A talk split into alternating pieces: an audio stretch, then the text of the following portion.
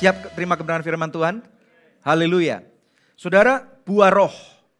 Kita kalau berbicara tentang buah roh, tentunya ada dua kata. Yang pertama buah. Buah itu kalau kita berbicara buah, buah itu bukan fabrikasi. Bukan diproduksi oleh pabrik. Tetapi buah ini diproduksi oleh alam. Memang betul kalau kita belajar dari sistem pertanian, ini harus ada benihnya. Dan puji Tuhan saudara, umat manusia diberkati dengan sistem pertanian yang sudah sangat modern. Kalau enggak dengan jumlah 7 miliar setengah sekian, enggak akan bisa mencukupi supaya kita enggak kelaparan. Betul enggak? Ya. Tetapi tetap saja secara normalnya ada benih yang ditanam dan medianya ternyata bisa tanah, bisa juga hidroponik dan yang lain-lain saudara.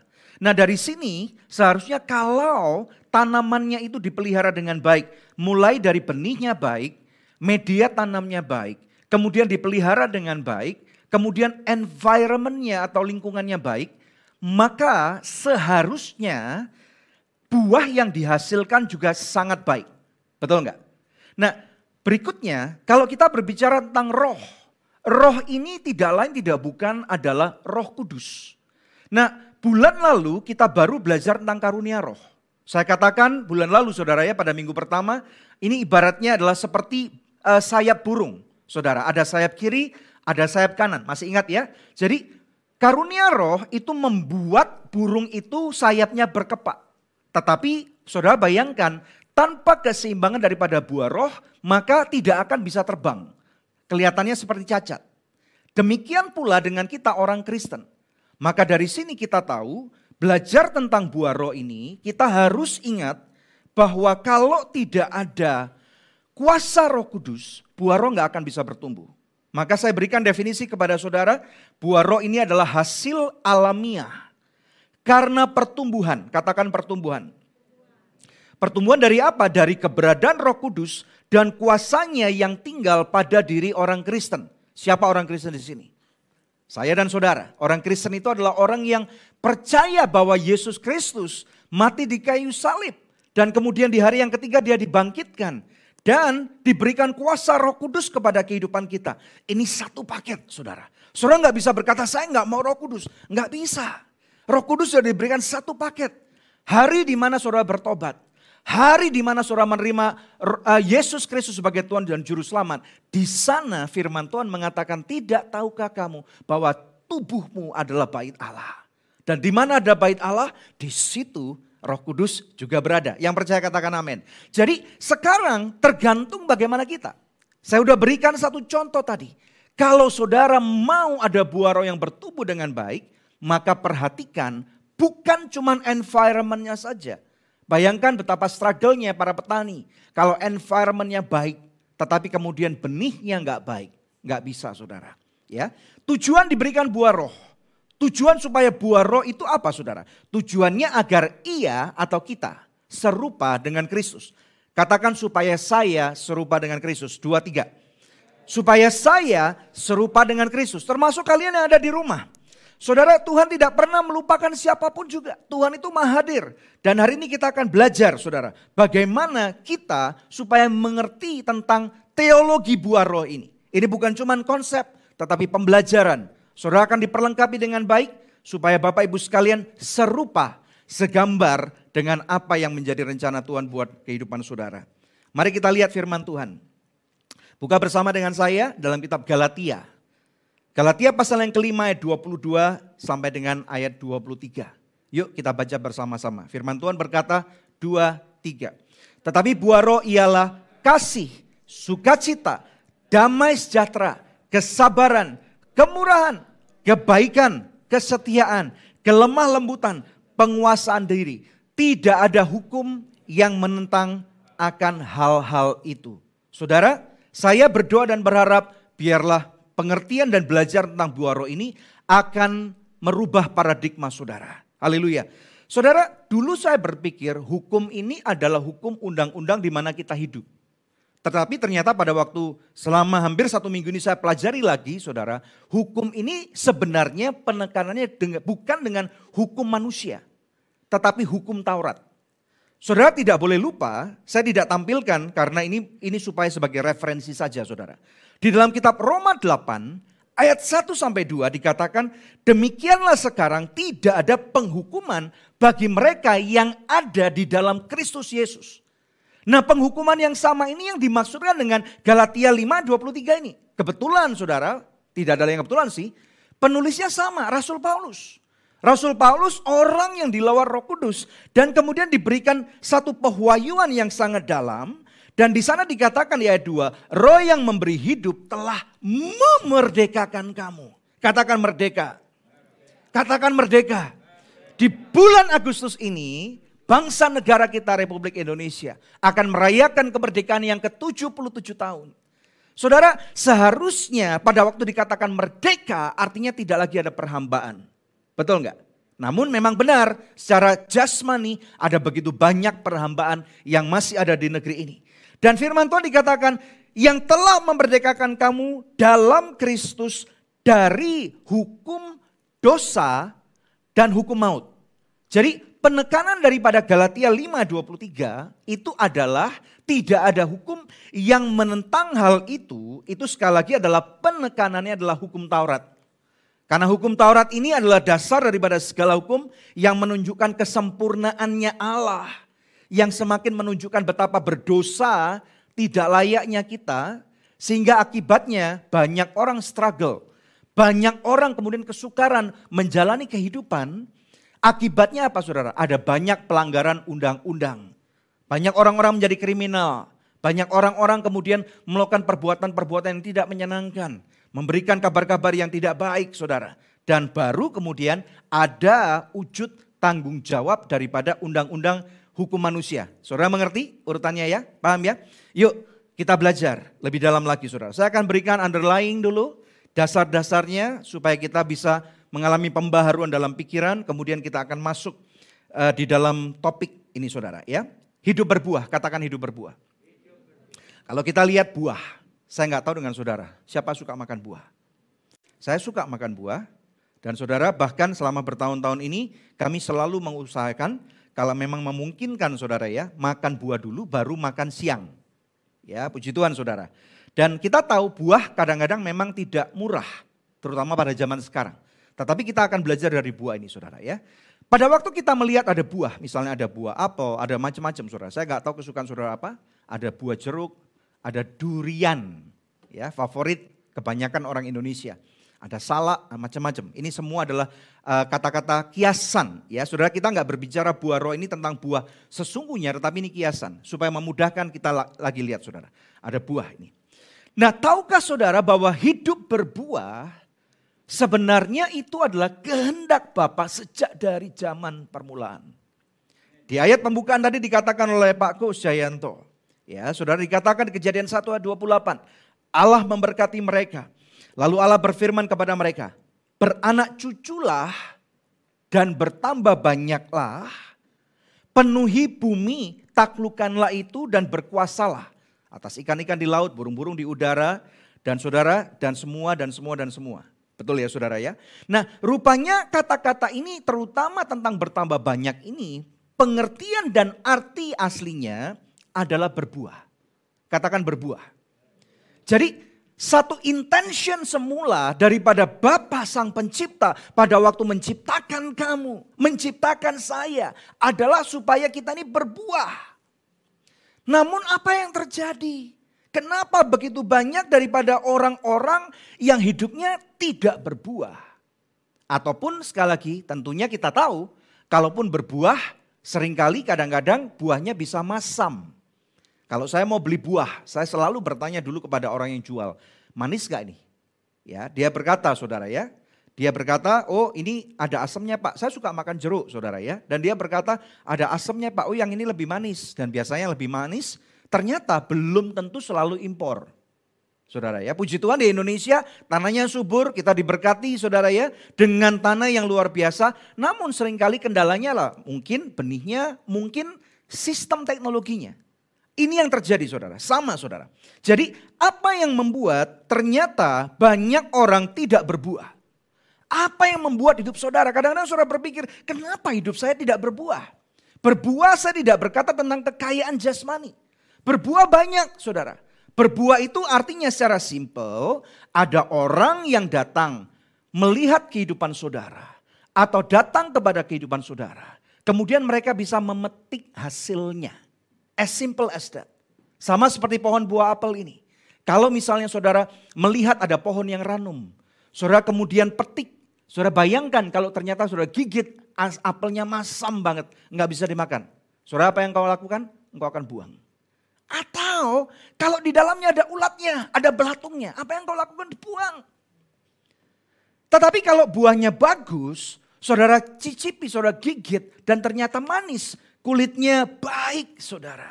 Kelihatannya enak. Saudara kenapa kan? Simpan. Saudara kan konsumsi. Nah, sem semudah itu pengertian daripada berbuah. Tetapi sekali lagi, ternyata ada banyak orang yang hidupnya tidak berbuah. Ada banyak orang yang ternyata buahnya masam. Karena apa ini saudara? Simple. Dosa. Kita tahu Adam yang pertama. Ya, ada Adam pertama, ada Adam kedua. Adam yang pertama, manusia ciptaan yang pertama. Adam dan istrinya Hawa. Mereka terkena bujuk rayu daripada iblis dan itu tercatat di dalam firman Tuhan. Dan membawa akibatnya adalah kejatuhan Adam dan Hawa membawa apa saudara? Dosa dan maut. Upah dosa selalu maut. Tidak ada dosa besar, dosa kecil di mata Tuhan yang maha besar. Setiap dosa ada konsekuensinya. Setiap pelanggaran ada konsekuensinya. Dan supaya itu ada undang-undang yang jelas, makanya Tuhan berikan hukum Taurat. Tetapi kita tidak bisa menghidupi hukum Taurat.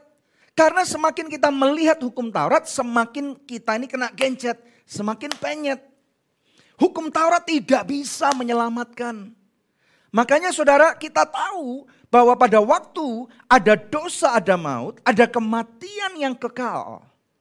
Kematian kekal ini artinya apa? Bukan pada waktu seseorang meninggal di muka bumi, jasadnya dikubur, tetapi nanti ada kehidupan setelah kematian dan di sana ada penghakiman dan kemudian setelah diputuskan bahwa orang itu tidak tercatat namanya dalam kitab kehidupan, di sanalah adalah kematian kekal.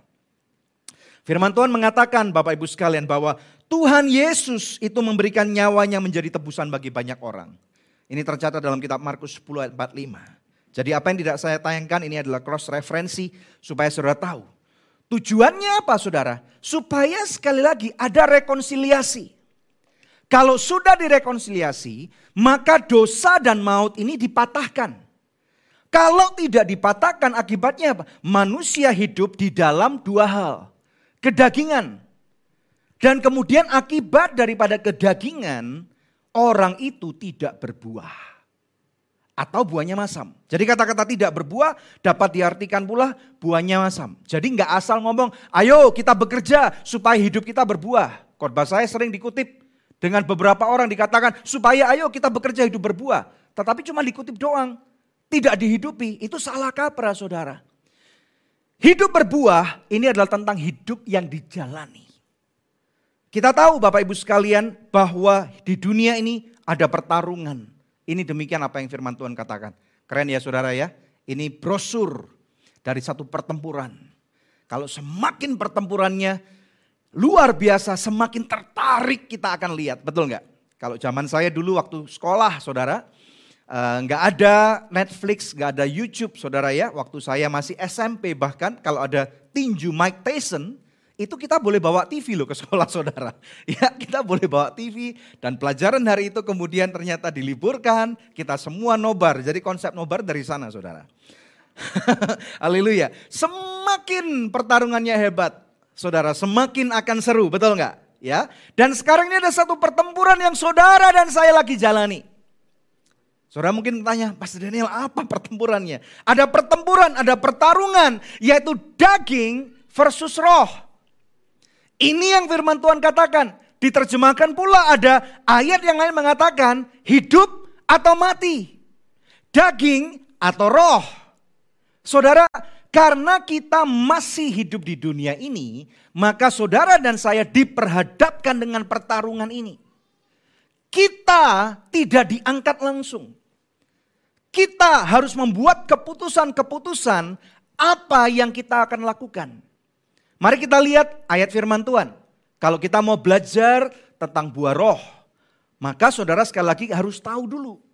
Daging yang dimaksud oleh firman Tuhan itu apa? Dan ini bukan daging-daging dikatakan kalau ada orang yang melakukan podcast kemudian mengatakan isinya daging semua. Bukan ini saudara ya. Ini berbeda. Ya, daging yang dimasukkan oleh firman Tuhan supaya saudara mengerti dengan dalam dengan baik. Yuk kita lihat daging ini apa. Galatia 5 kita lihat ayat 19 sampai dengan ayat 21. Ya. Dikatakan, perbuatan daging telah nyata. Yaitu apa saudara?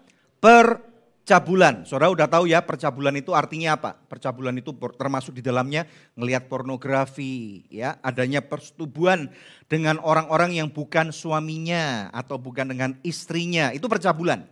Ya, Saudara ya. Kemudian kecemaran. Kecemaran ini adalah pikiran yang uh, kotor, kemudian nafsu. Jadi percabulan, kecemaran, hawa nafsu ini adalah sering kali satu bagian tetapi puji Tuhan, Alkitab sudah mendefinisikan dengan cukup jelas. Supaya kita ngerti nih, perbuatan-perbuatan daging itu apa? Percabulan, kecemaran, hawa nafsu. Ini adalah sesuatu yang berhubungan dengan seksualitas. Seks bukan dosa. Dengar baik-baik, seks bukan dosa. Tetapi seks yang dilakukan di luar pernikahan yang sah, yang benar di mata Tuhan, itu dosa. Pernikahan yang benar sekali lagi adalah pernikahan dengan antara seorang laki-laki dan seorang perempuan. That's it. Bukan laki-laki dan laki-laki, bukan perempuan dengan perempuan, bukan dengan satu lawan dua, apalagi satu lawan sembilan, bukan saudara. Ya, itu bukan pernikahan yang sah yang firman Tuhan kehendaki. Yang setuju katakan amin. Suami istri lihat kiri kanannya.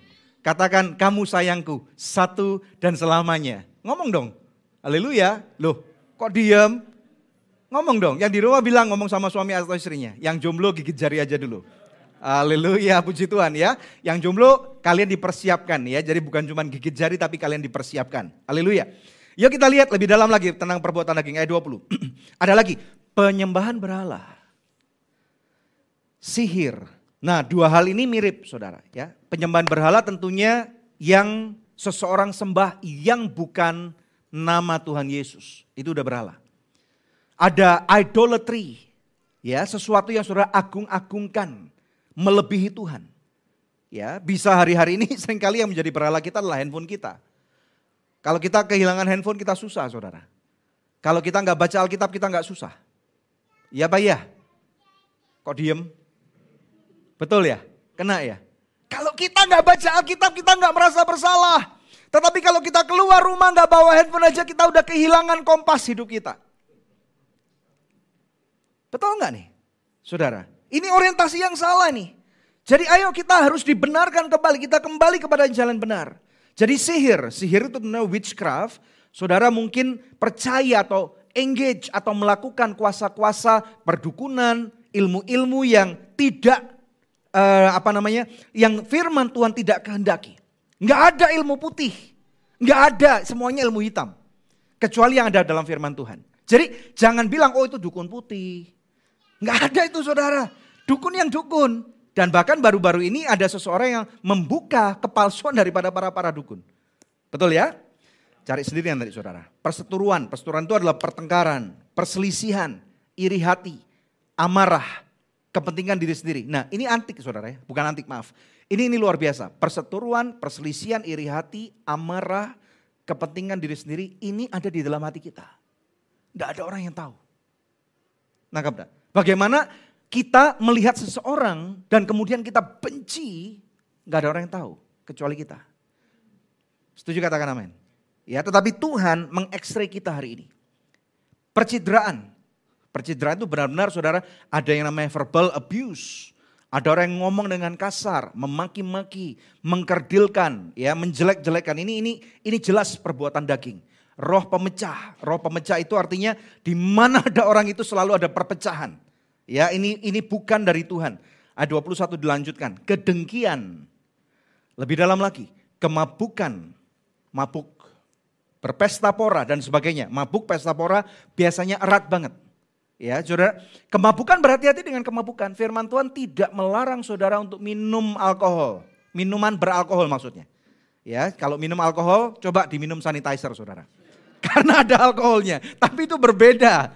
Betul ya, minuman yang beralkohol, bir, whisky, wine, sebenarnya Alkitab tidak melarang. Tetapi yang dilarang itu adalah mabuknya. Karena apa? Pada waktu orang itu mabuk, orang itu nggak ingat apa-apa. Atau orang itu akan membuat keputusan yang tidak bijak. Makanya berhati-hati. Firman Tuhan mengatakan perbuatan daging adalah kemabukan, pesta pora, dan sebagainya. Saya akan baca sekali lagi buat saudara, supaya saudara bisa ngikutin dengan baik. Saya ulang ya. Dua, tiga. Perbuatan daging telah nyata, yaitu percabulan, kecemaran, hawa nafsu, penyembahan berhala, sihir, perseteruan, perselisihan, iri hati, amarah, kepentingan diri sendiri, percidraan, roh pemecah, kedengkian, kemabukan, pesta pora, dan sebagainya. Ini keren banget saudara. Jadi relevan banget sesuatu yang tidak kelihatan pada zaman itu, yang baru muncul pada zaman sekarang, dan yang tidak selaras dengan firman Tuhan, termasuk adalah perbuatan daging. Setuju katakan amin. Belajar sesuatu? Belajar sesuatu? Nah dari sini kita bisa mulai mengidentifikasikan, sekali lagi saudara, belajar daripada ilmu pertanian. Saya diberkati mempunyai seorang sahabat, saudara hamba Tuhan yang pernah mengundang saya untuk melihat uh, proyek pertaniannya. Uh, Pendeta Wiryo Hadi, saudara. ya. Saya diundang ke tempat beliau, wah luar biasa banget, punya visi untuk memberikan makan kepada satu kota. Ya saudara ya, dan dia dukung dengan Tuhan berikan hikmat untuk membeli sebidang tanah yang cukup besar sekitar 6 hektar saudara. Dan ditanam. Bukan hanya di tanahnya tetapi hidroponik. Wah itu keren banget saudara. Saya sampai ternganga-nganga saudara. Saya punya cita-cita gereja kita bisa menjadi seperti itu. Supaya berbuah. Menjadi berkat. Saudara, supaya berdampak nyata. Dan selama menjalani prosesnya kita nikmati aja. Saudara, sekali lagi supaya saudara bisa mengidentifikasikan sebenarnya standing saudara di dalam kehidupan ini bagaimana. Betul ya? Nah mari kita masuk kemudian saya ingatkan kembali ada perbuatan daging, ada pertarungan nih tadi saudara. Betul kan? Katakan pertarungan. Pertarungan antara siapa? Daging. Dan melawan roh. Nah kalau saudara sudah memperhatikan, saudara ingat kembali bahwa kita ini adalah kesayangan Tuhan, biji matanya Tuhan, dan Roh Kudus tinggal di dalam diri kita, maka seharusnya kita menjauhi hal-hal yang berbau kedagingan tadi. Nangkap enggak? Sebenarnya yang harus kita jauhi itu, kita tidak bisa hanya mengupayakan. Dan semalam saya katakan kepada istri saya, selama ini kita dididik rupanya kurang tepat nih. Nggak salah tetapi kurang tepat. Kita hanya dituntut untuk memproduksi kasih. Kasih itu dari Tuhan yang ditempatkan dalam hati kita. Bukan berarti kita tidak boleh melakukan kasih, bukan. Tetapi semakin kita berupaya dengan kekuatan sendiri untuk memunculkan buah roh, kita semakin struggle.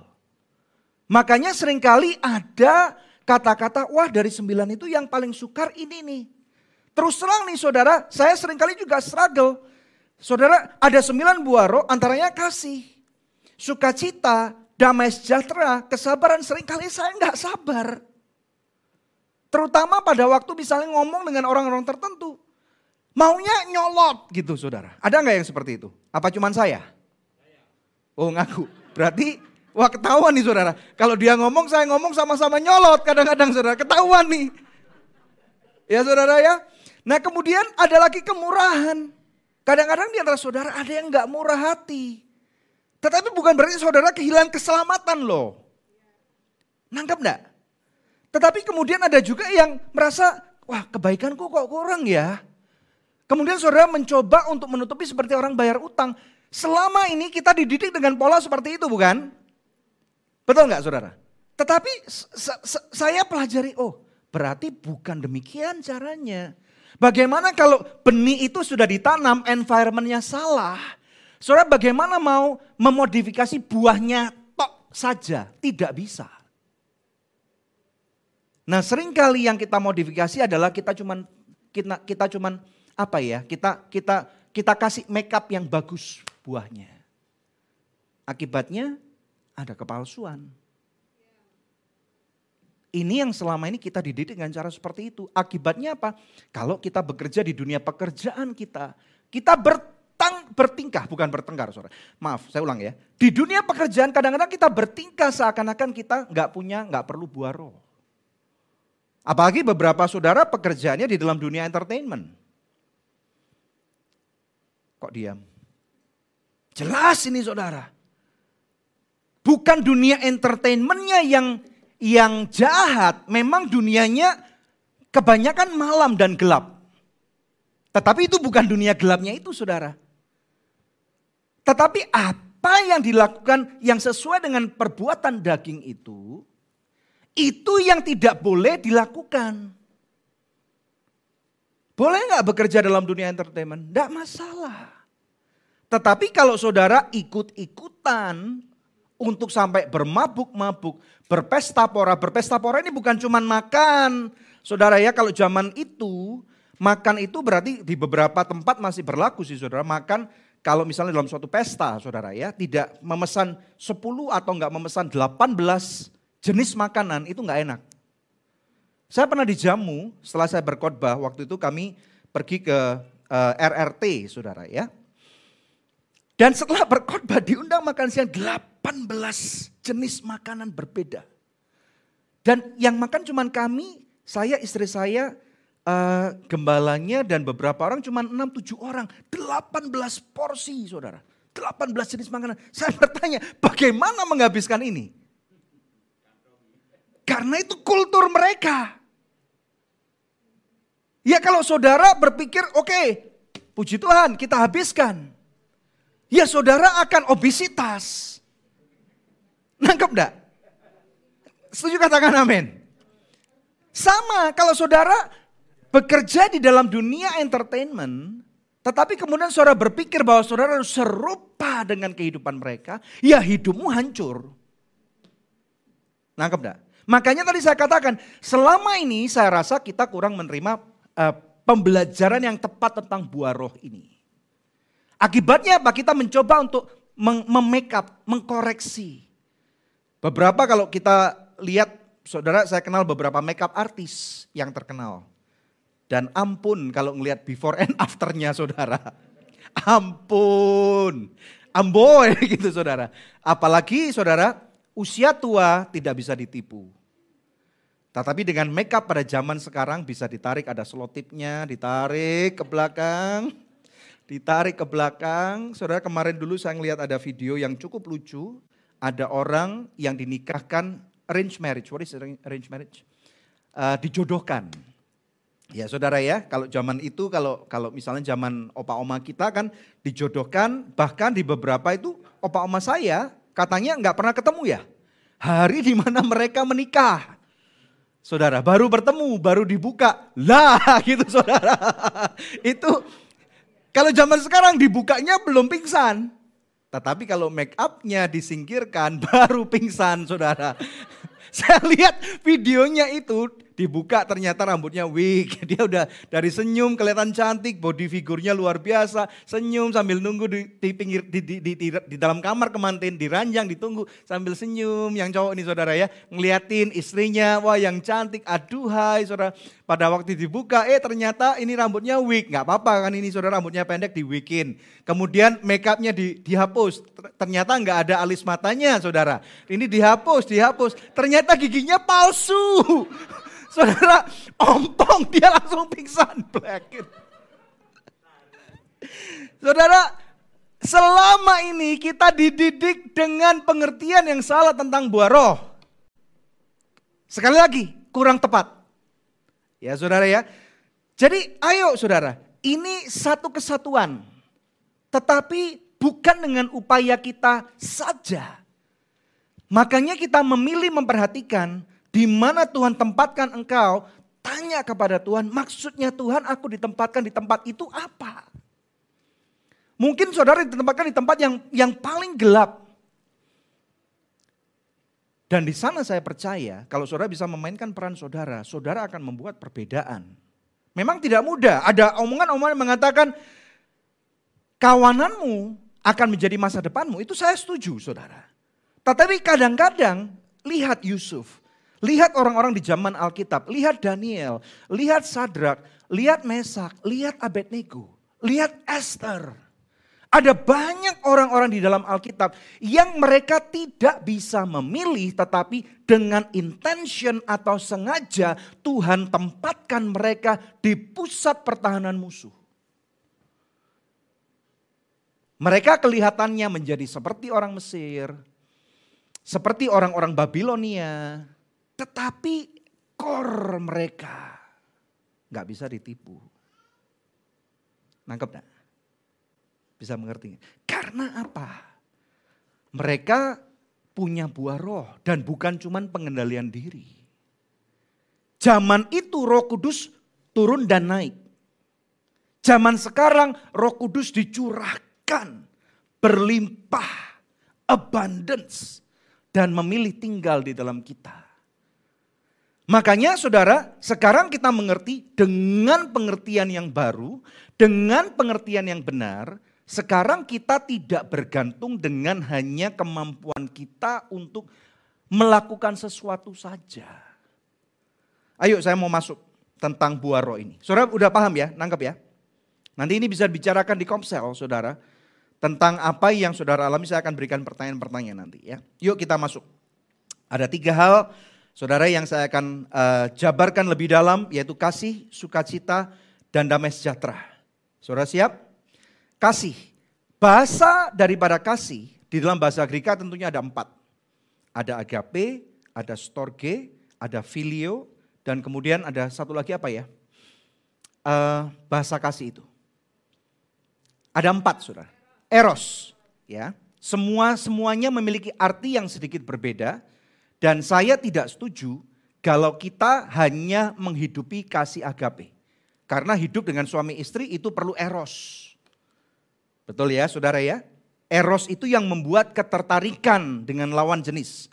Dan jangan sesama jenis. Haleluya.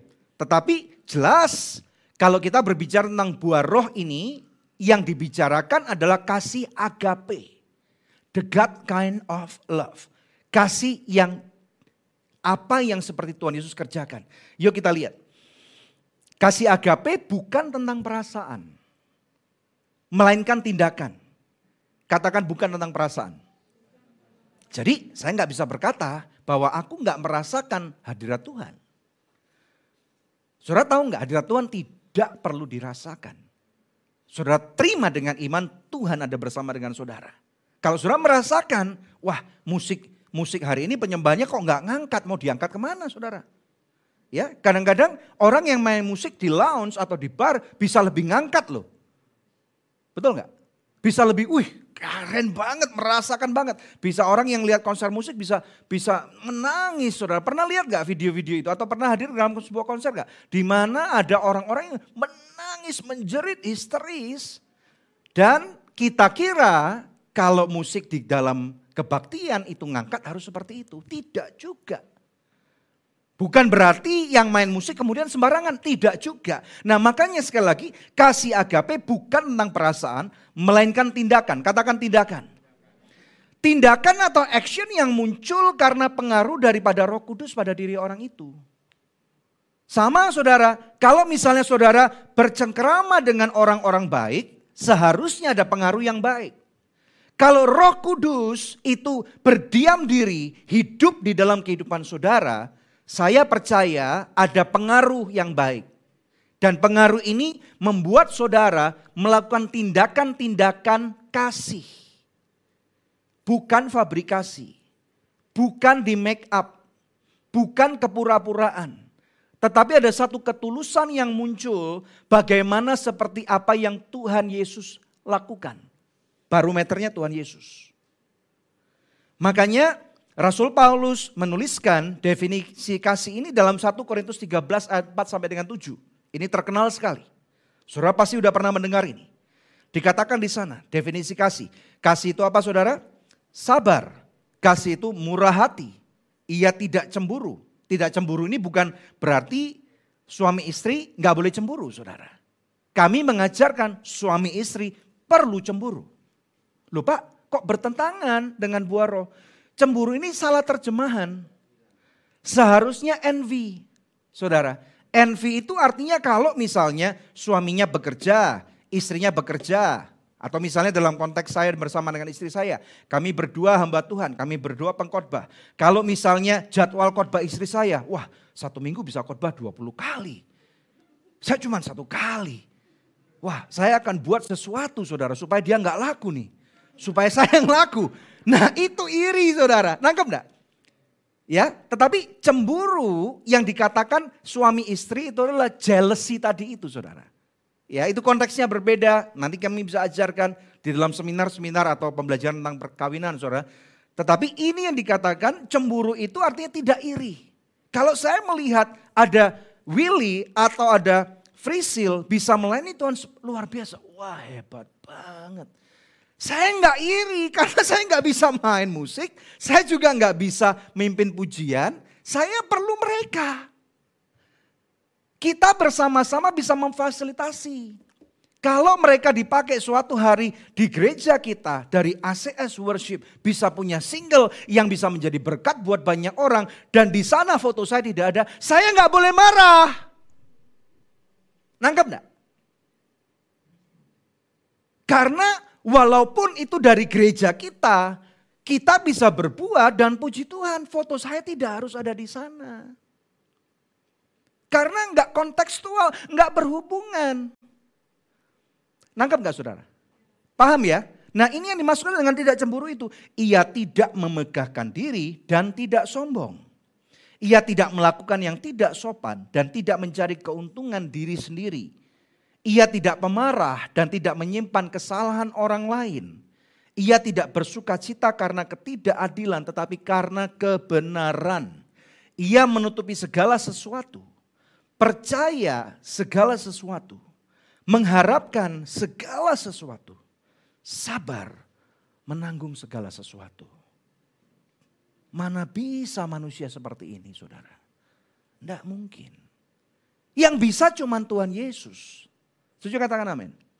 Makanya saudara, dia memilih tinggal dalam diri kita. Allah Tritunggal itu tinggal dalam diri kita, makanya ada pengaruh baik kalau saudara melakukannya dengan bijak, saudara datang ke gereja, diingatkan kembali. Saudara baca firman Tuhan di rumah, diingatkan kembali. Saudara masuk ke komsel, diingatkan kembali. Saudara ikut morning devotion, diingatkan kembali. Ya lama-lama pengaruh itu akan semakin kuat. Nangkep gak saudara? Tetapi kalau saudara lone ranger, ya nggak bisa.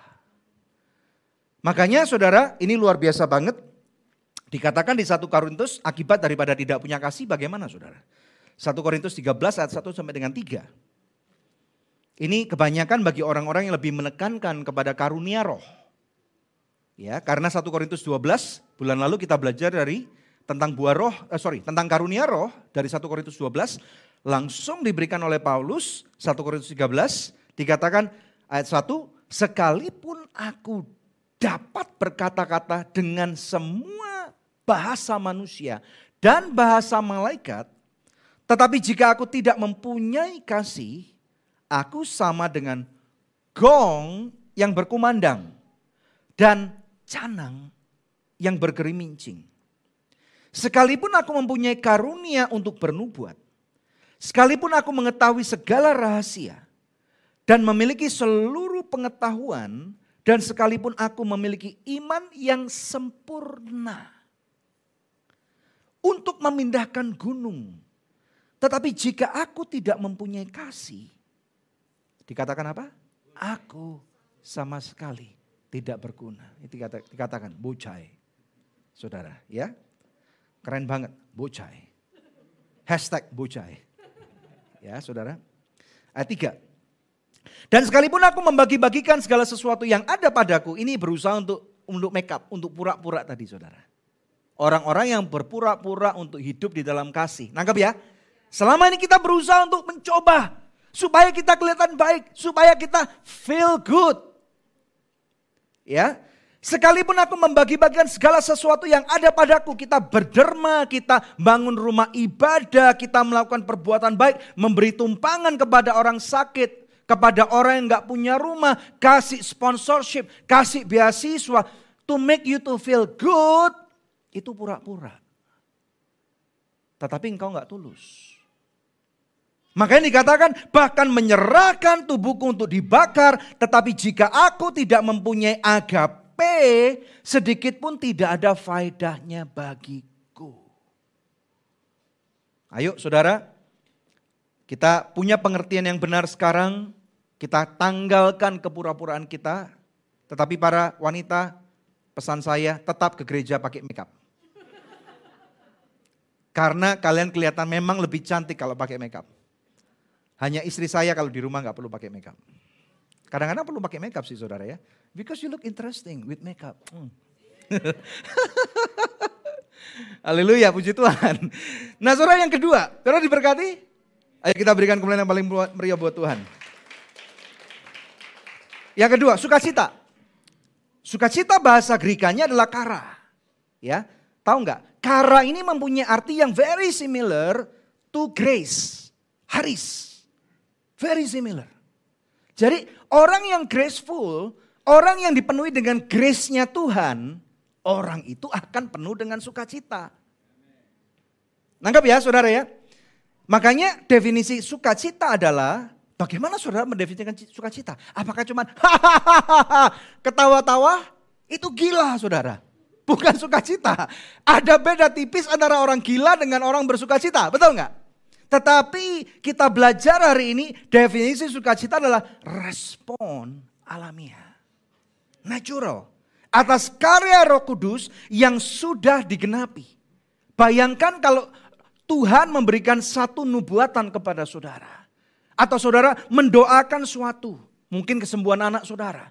Terobosan keuangan. Mungkin supaya orang tuamu tidak bercerai. Mungkin supaya engkau dapat promosi. Mungkin supaya engkau dapat pekerjaan. Dan Tuhan mengaminkan itu, memberikan satu keberanian untuk engkau beriman dan engkau melihat itu. Wah, saudara pasti tersenyum. Dan itu bukan karena lelucon, bukan guyonan. Nangkep gak? Sesuatu yang dari inner being saudara, dari jiwamu yang terdalam, saudara merasakan, wow, Tuhan terima kasih. Makanya di sana dikatakan, sukacita adalah ekspresi daripada kerajaan Allah. Saya nggak tahu dengan saudara. Sekali lagi saya bukan orang kaya. Dan dengan semua harga yang pada naik. Harga-harga pada naik ya saudara ya betul ya. Dan semua orang pada komplain. Semua orang pada kesusahan. Tetapi percayalah. Kalaupun kita punya banyak uang itu saya katakan puji Tuhan. Apakah kita perlu berusaha? Harus. Apakah kita perlu berdoa? Wajib. Apakah kita perlu beriman dan berpuasa? Silakan. Tetapi saudara, pada waktu kita hanya mencoba untuk struggle saja, semakin saudara akan tertekan. Karena saudara dan saya mengandalkan kekuatan kita sendiri. Nangkap enggak? Saya setuju dengan firman Tuhan, kita tidak boleh malas. Kita harus bekerja. Tetapi bayangkan apabila kita mencoba sekuat tenaga, akibatnya keluarga nggak bahagia. Lose joy. Betul nggak? Ya, kita berusaha untuk suami kerja terus di rumah, kurang, kurang papa, kurang, kurang suamiku, kurang sayangku, kurang daddy. Karena apa? Memang benar-benar tidak cukup, saudara. Bukan karena saya nggak berkata tentang istri-istri yang nggak pernah berterima kasih kepada suaminya ya, tetapi karena memang kondisi tidak mudah. Ini yang saya maksudkan. Bayangkan, tetapi kalau saudara kemudian menyadari memang keadaan susah nih. Yuk kita berdoa bersama-sama. Kita tidak saling menyalahkan.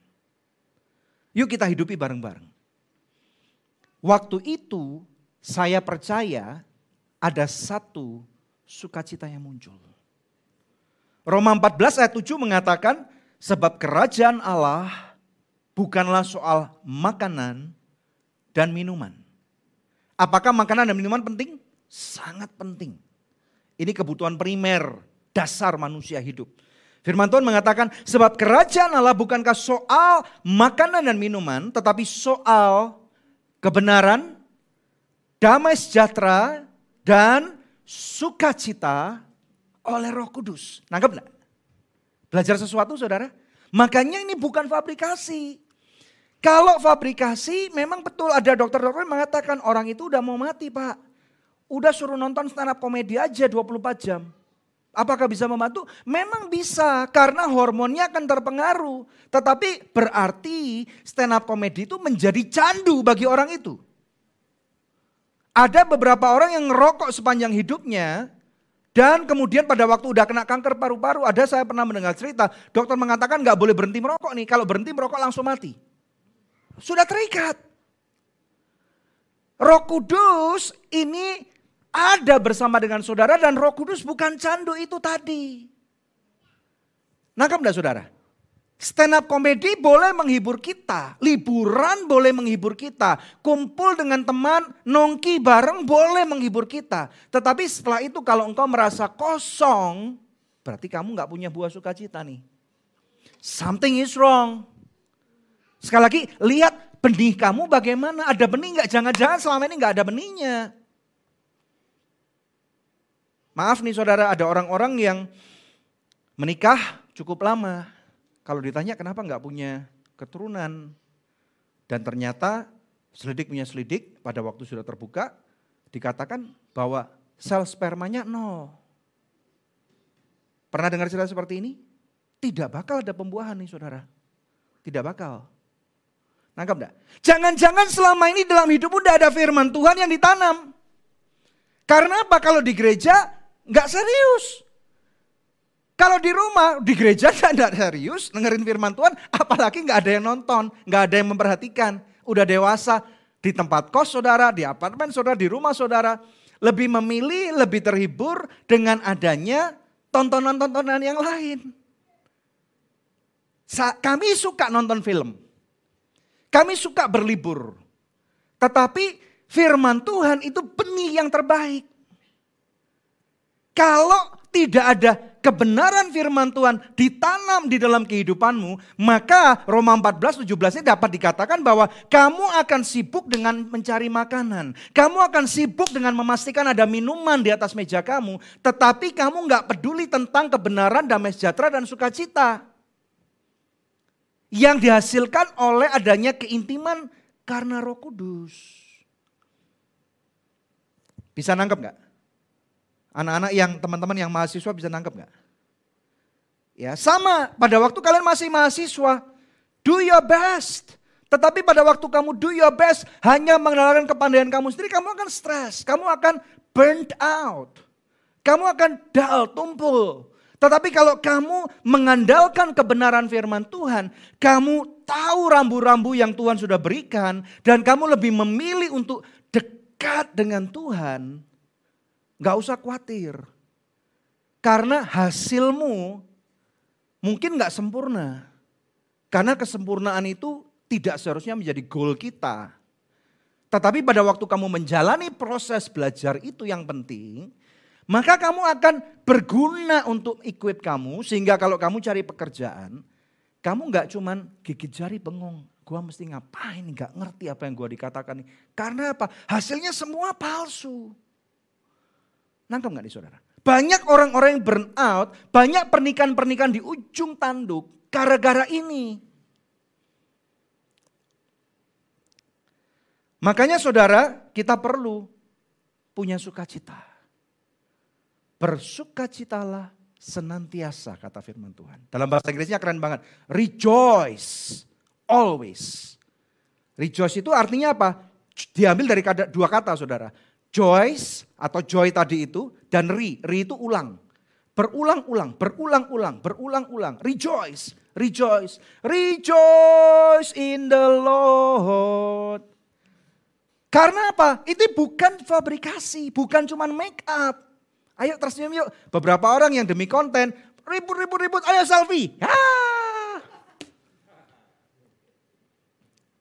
Setelah itu ribut lagi. Hashtag bujai. Berarti apa? Sukacitanya palsu. Jangan-jangan buah apelnya tadi yang ditunjukkan itu pada waktu dipegang, eh kayu. atau plastik. Sempurna sih. Kalau kamu suka makan plastik ataupun kayu silakan. Kita nggak suka.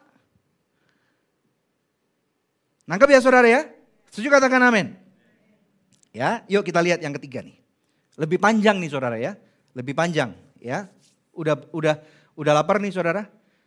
Will pemain keyboard deh. Ayo dampingin. Alright. Satu poin lagi nih saudara. Ini ini ini perlu, ini perlu supaya kita bisa belajar dengan baik dan kita tidak hidup di dalam kepalsuan. Yang percaya katakan amin. Poin yang uh, ketiga nih, damai sejahtera. Damai sejahtera dalam bahasa dalam bahasa uh, Ibraninya adalah shalom. Ya, dalam bahasa Grikanya adalah irin. Kenapa saya nggak berikan bahasa Grikanya tadi? Karena kita lebih familiar dengan kata-kata shalom. Jadi kalau saudara punya teman namanya Irin, itu sama artinya dengan namanya shalom. Ya, jadi shalom atau damai sejahtera ini adalah suatu kedamaian yang didapat karena hubungan baik yang kita miliki dengan Tuhan. Kamu ngomong shalom tidak otomatis menjadikan diri kamu itu hubungan kamu dengan baik dengan Tuhan loh. Karena itu menjadi sama dengan cuman ritual agamawi saja. Kalau kita cuman ngomong shalom dan haleluya tapi kita tidak punya hubungan yang dekat dengan Tuhan. Hubungan dekat ini dihasilkan karena adanya hubungan baik, ada keintiman.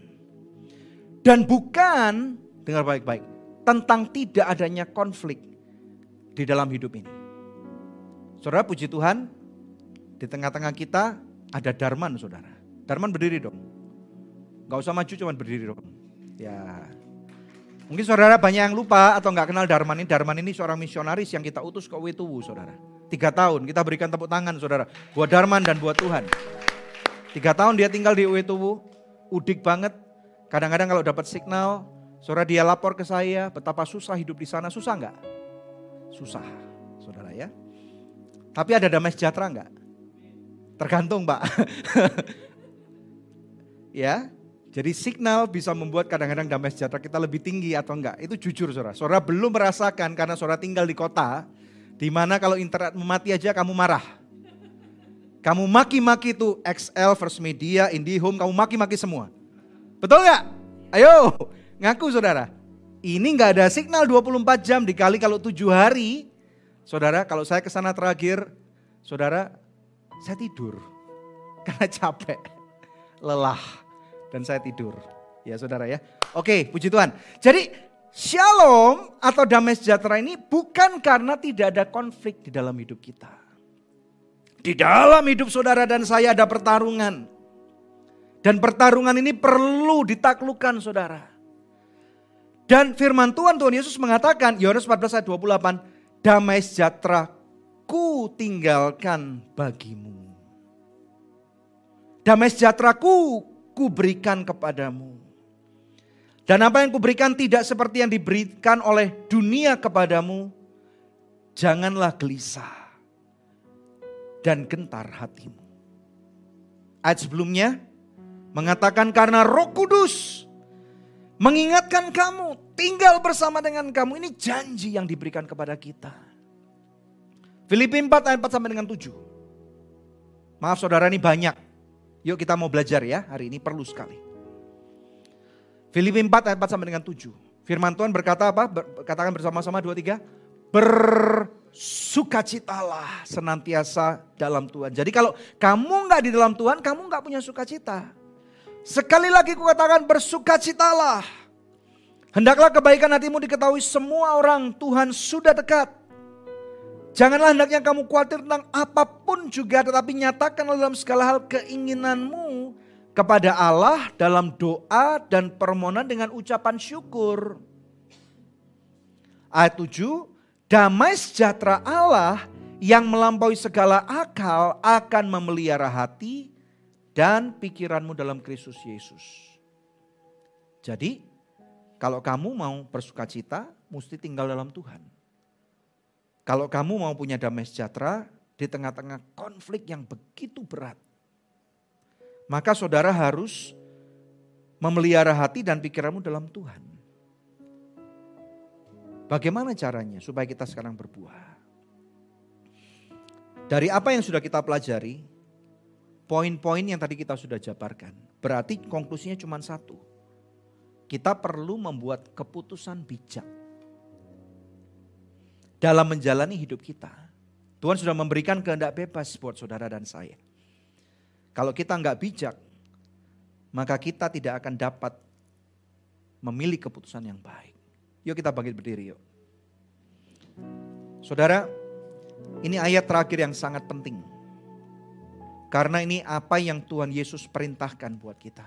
Yohanes 15. Kita lihat ayat 1 sampai dengan 8. Firman Tuhan berkata, saudara boleh baca bersama dengan saya. Ayat 1 mengatakan, Akulah pokok anggur yang benar. Dan Bapakulah pengusahanya.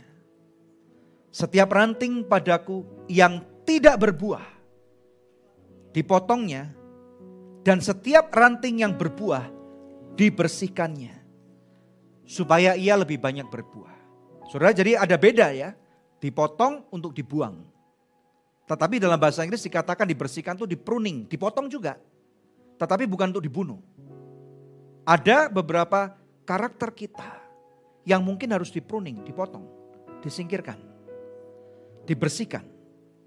Supaya kamu kamu, kamu, dan aku lebih banyak berbuah. Kamu memang sudah bersih karena firman yang telah kukatakan kepadaku, kepadamu. Ayat 4. Tinggallah di dalam aku dan aku di dalam kamu. Sama seperti ranting tidak dapat berbuah dari dirinya sendiri. Kalau ia tidak tinggal pada pokok anggur. Demikian juga kamu tidak berbuah jikalau kamu tidak tinggal di dalam aku. Ayat 5. Akulah pokok anggur dan kamulah ranting-rantingnya. Barang siapa tinggal di dalam aku dan aku di dalam dia, ia berbuah banyak. Sebab di luar aku kamu tidak dapat berbuat apa-apa. Ini yang tadi saya maksudkan. Saudara. Jadilah bijak. Di depan saudara ada choices. Ada keputusan-keputusan yang saudara harus ambil. Ada pengaruh-pengaruh antara kedagingan dan pengaruh roh. Mana yang saudara mau pilih? Ayat 6. Barang siapa tidak tinggal di dalam aku, ia dibuang keluar seperti ranting dan menjadi kering. Kemudian dikumpulkan orang dan dicampakkan ke dalam api lalu dibakar. Ayat 7 dan 8. Jikalau kamu tinggal di dalam aku dan firmanku tinggal di dalam kamu, mintalah apa saja yang kamu kehendaki dan kamu akan menerimanya. Dan dalam hal inilah Bapakku dipermuliakan, yaitu jika kamu berbuah banyak dan dengan demikian kamu adalah murid-muridku. Siapa mau berbuah banyak? Saudara, saya berdoa dan berharap firman Tuhan ini berbicara kepada saudara. Kalau engkau tahu bahwa firman Tuhan lagi ngomong sesuatu kepada saudara, yuk saudara engkau boleh angkat tangan di mana engkau berdiri. Terima kasih karena kamu sudah join dan mendengarkan khotbah dari Pastor Daniel Hendrata. Yuk share ke teman-teman lainnya agar lebih banyak lagi jiwa yang diberkati. Anugerah Church at Storehouse.